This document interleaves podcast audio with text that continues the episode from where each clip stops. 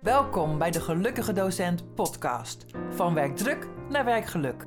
Mijn naam is Paulien Knol en in deze podcast hoop ik je wekelijks te inspireren met mooie inzichten, persoonlijke verhalen en praktische handvaten om te blijven werken met energie, plezier en bevlogenheid.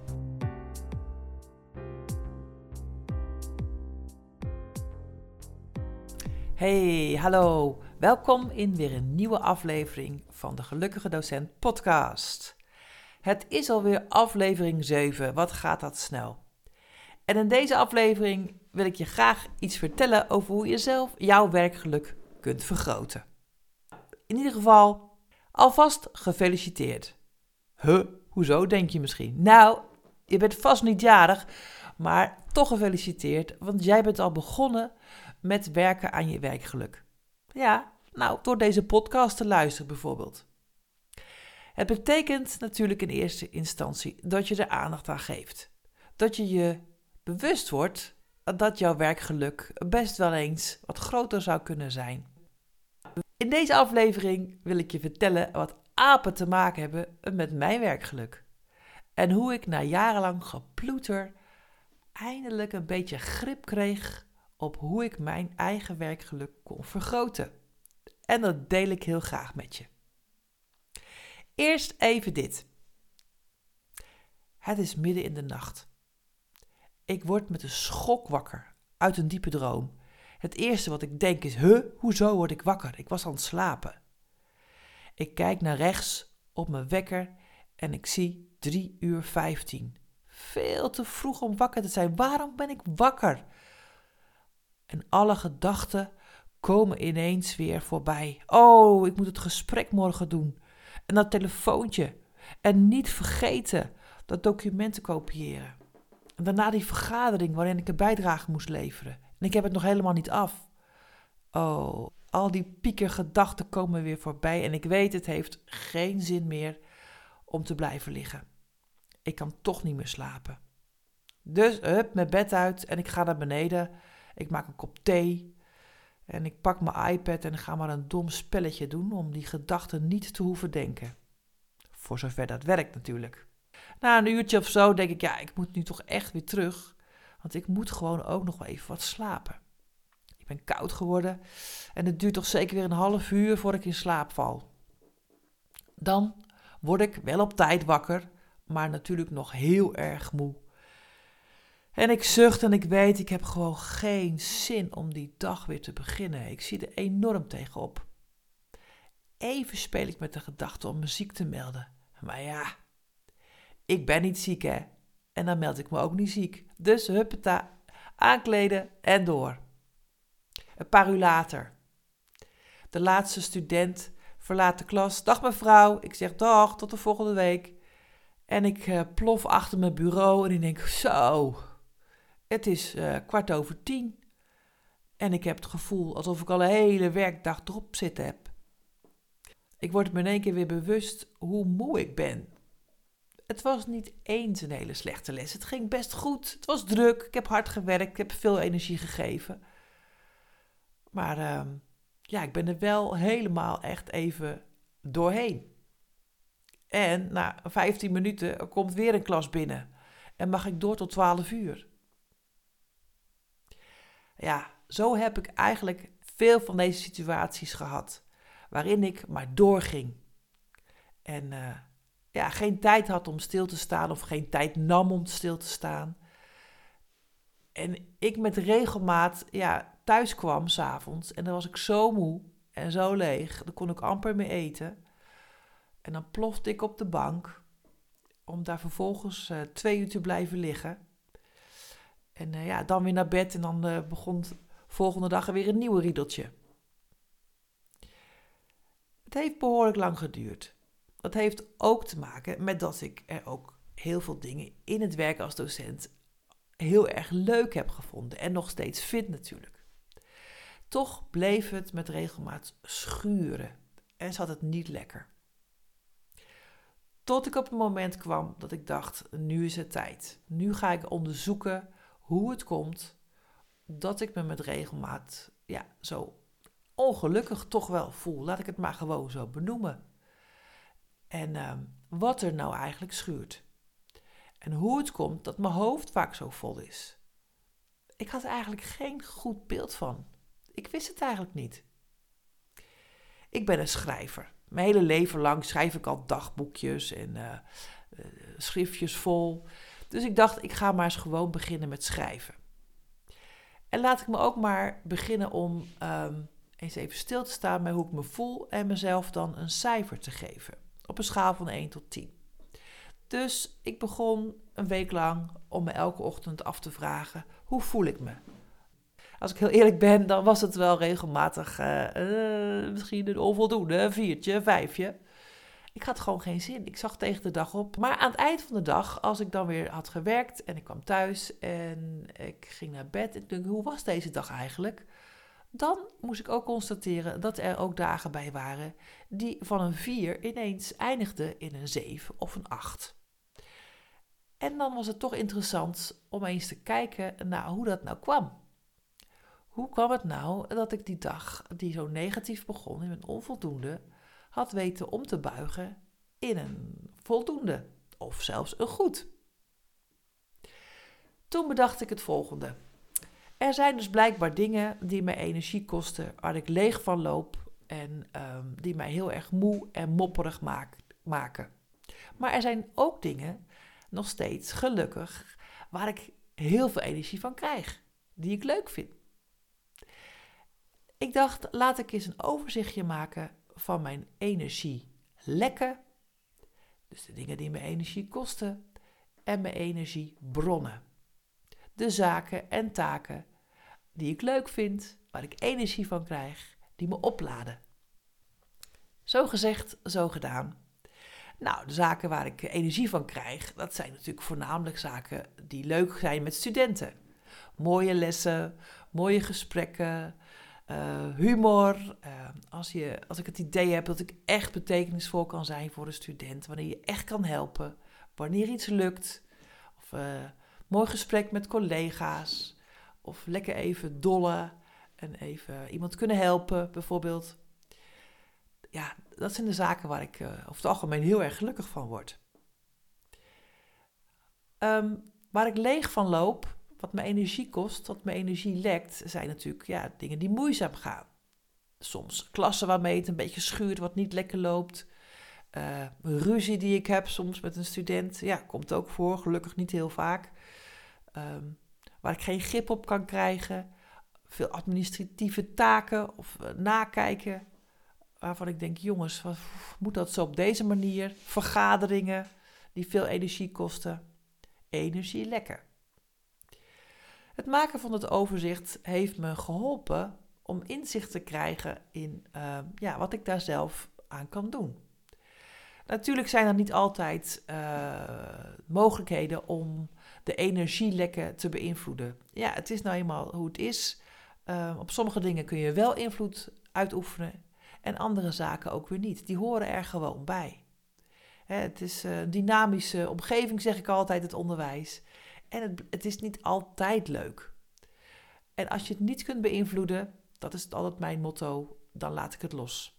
Dan accepteer ik het en dan ga ik daar geen uh, ja, verdere energie aan negativiteit of gemopper aan besteden. Dan accepteer ik gewoon en dan doe ik het gewoon. Maar er zijn ook wel momenten of dingen die ik natuurlijk wel kan beïnvloeden. Of ik kan er iets tegenover stellen wat me dan weer wel energie geeft. Dus wat heb ik gedaan op een gegeven moment? Zodra ik uh, wist van, oh, ik heb iets wat me energie kost, of dit heeft me energie gekost, ik ga op zoek naar iets wat ik leuk vind. Ik ga even door de, het gebouw lopen. Uh, ik ga even contact maken met de student. Even praatje maken. Of met een collega. Even connecten. Even een kopje koffie doen. Even een wandelingetje misschien. Uh, even iets leuks. En dan laat ik mij weer op. En ik moet zeggen, toen ik dat eenmaal doorhad, toen uh, bracht me dat al heel veel balans in uh, ja, mijn energiehuishouding eigenlijk. Ik liep niet zo continu meer leeg. Ik had daar meer grip op.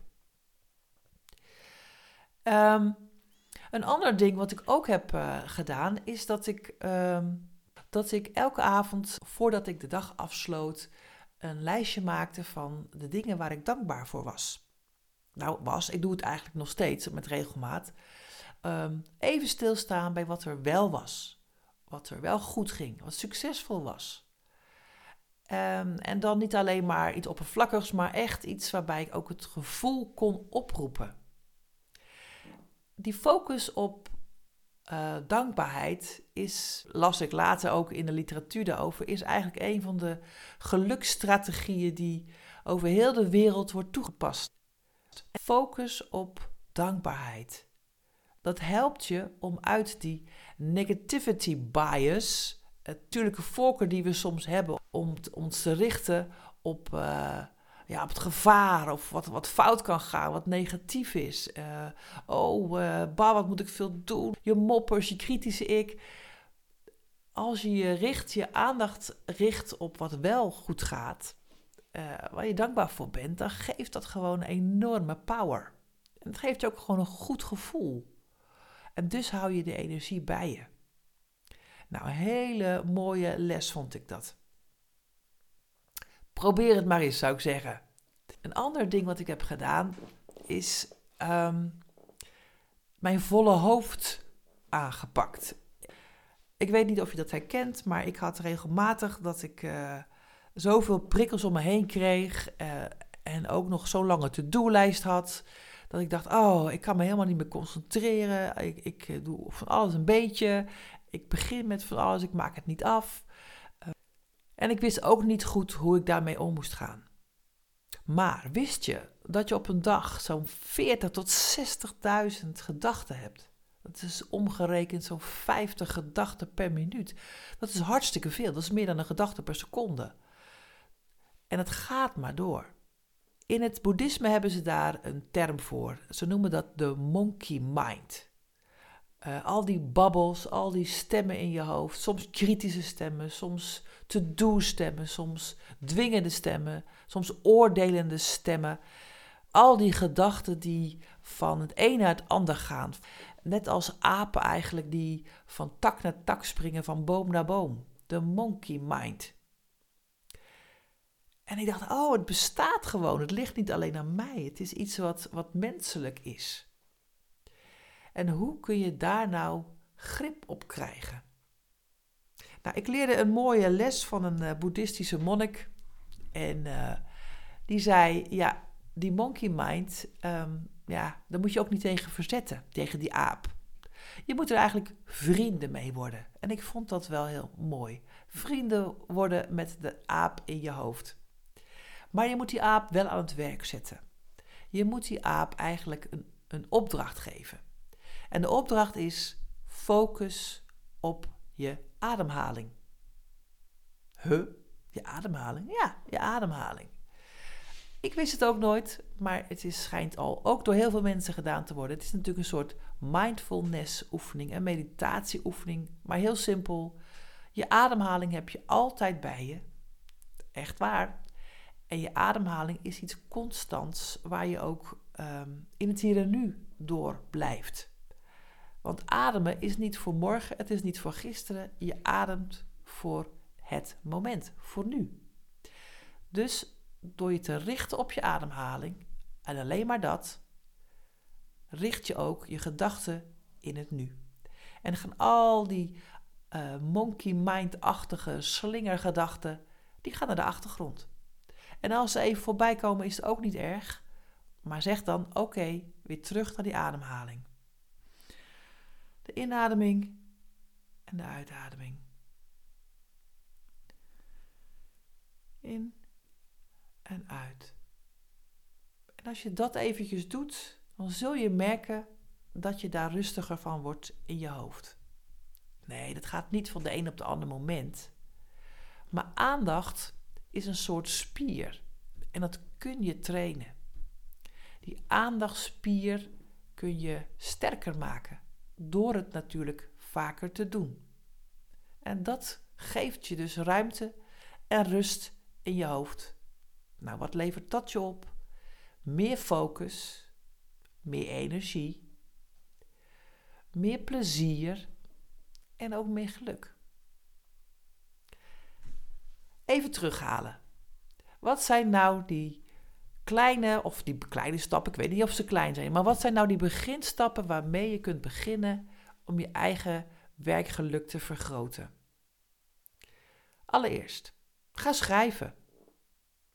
Schrijf in een dagboek. Door schrijven orden je je gedachten en kun je er ook van een afstandje naar kijken. En bovendien kun je af en toe nog eens teruglezen en kijken, oh hey, toen was het zo en nu is het dit. Als je aan het schrijven bent, scoor dan eens het moment van de dag als je begint met de dag. Scoor dan eens hoe je je voelt. Geef jezelf een cijfer op een schaal van 1 tot 10 over je zin of over je energiebalans. Hoe zit je erin op dit moment? Heb je er zin in? Of heb je eigenlijk heel veel tegenzin? En doe dat ook eens aan het eind van de dag. Hoe zit je er nu in? Hoe kijk je terug op de dag? Als je terugkijkt, wat voor cijfer is het dan? En als het een verschil is tussen het begin van de dagcijfer en het eind van de dagcijfer, dan geef dan eens antwoord op de vraag: hoe kwam dat? Welke factoren hebben daarin bijgedragen? Is het slechter geworden of is het beter geworden? En als het beter geworden is, wat maakt het dan dat het beter geworden is? Zo kom je misschien bij de lijst van energiebronnen en energielekken. Dat is een derde tip in deze podcast.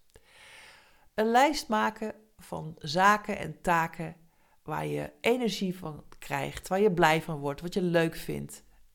Een energiebron. En een lijst van taken en zaken die je minder leuk vindt, die moeilijk zijn, die moeizaam gaan, die energie kosten. En wat kun je met die lijst doen? Je kunt dan kijken waar je invloed op kunt uitoefenen en waar je, uh, als je iets moeilijks te doen hebt, misschien daarna een energiebron tegenover kunt zetten. Hè, op sommige dingen hebben we geen invloed. Die horen er gewoon bij. Die horen ook bij het werk. Die horen bij de dynamiek. Die horen bij het werken met mensen. Maar we kunnen misschien daarna wel kijken hoe we de energie weer terug kunnen krijgen. En dat kan alleen maar als je je bewust bent van dat iets energie kost. En als je je bewust bent van hoe je jezelf weer kunt opladen. Ook een tip in deze podcast is je aandacht te richten op die zaken waar je dankbaar voor bent. Elke avond even stilstaan bij wat is er goed gegaan vandaag en wat was echt tof en geweldig en wat was er wel. We hebben soms een neiging om ons te richten op al die zaken die verkeerd gingen of die er niet waren. Maar er zijn ook net zo goed heel veel dingen die wel tof waren en die er wel waren. Dus richt je aandacht op die dingen waar je dankbaar voor bent. En de laatste, word vrienden met de aap in je hoofd. Geef die aap een opdracht door te focussen op je ademhaling. Doe dat deze een paar keer per dag. Pak een moment om even aandacht te geven aan al die stemmen in je hoofd. En eens te trainen of je die kunt laten verstillen. Dat levert je ruimte op, energie en een betere focus. Dankjewel voor het luisteren naar deze podcast. Ik hoop dat het jou geïnspireerd heeft. Als je nog niet geabonneerd bent, doe dat even. En laat ook een review achter. Dan weet ik wat je ervan vond. Tot de volgende keer.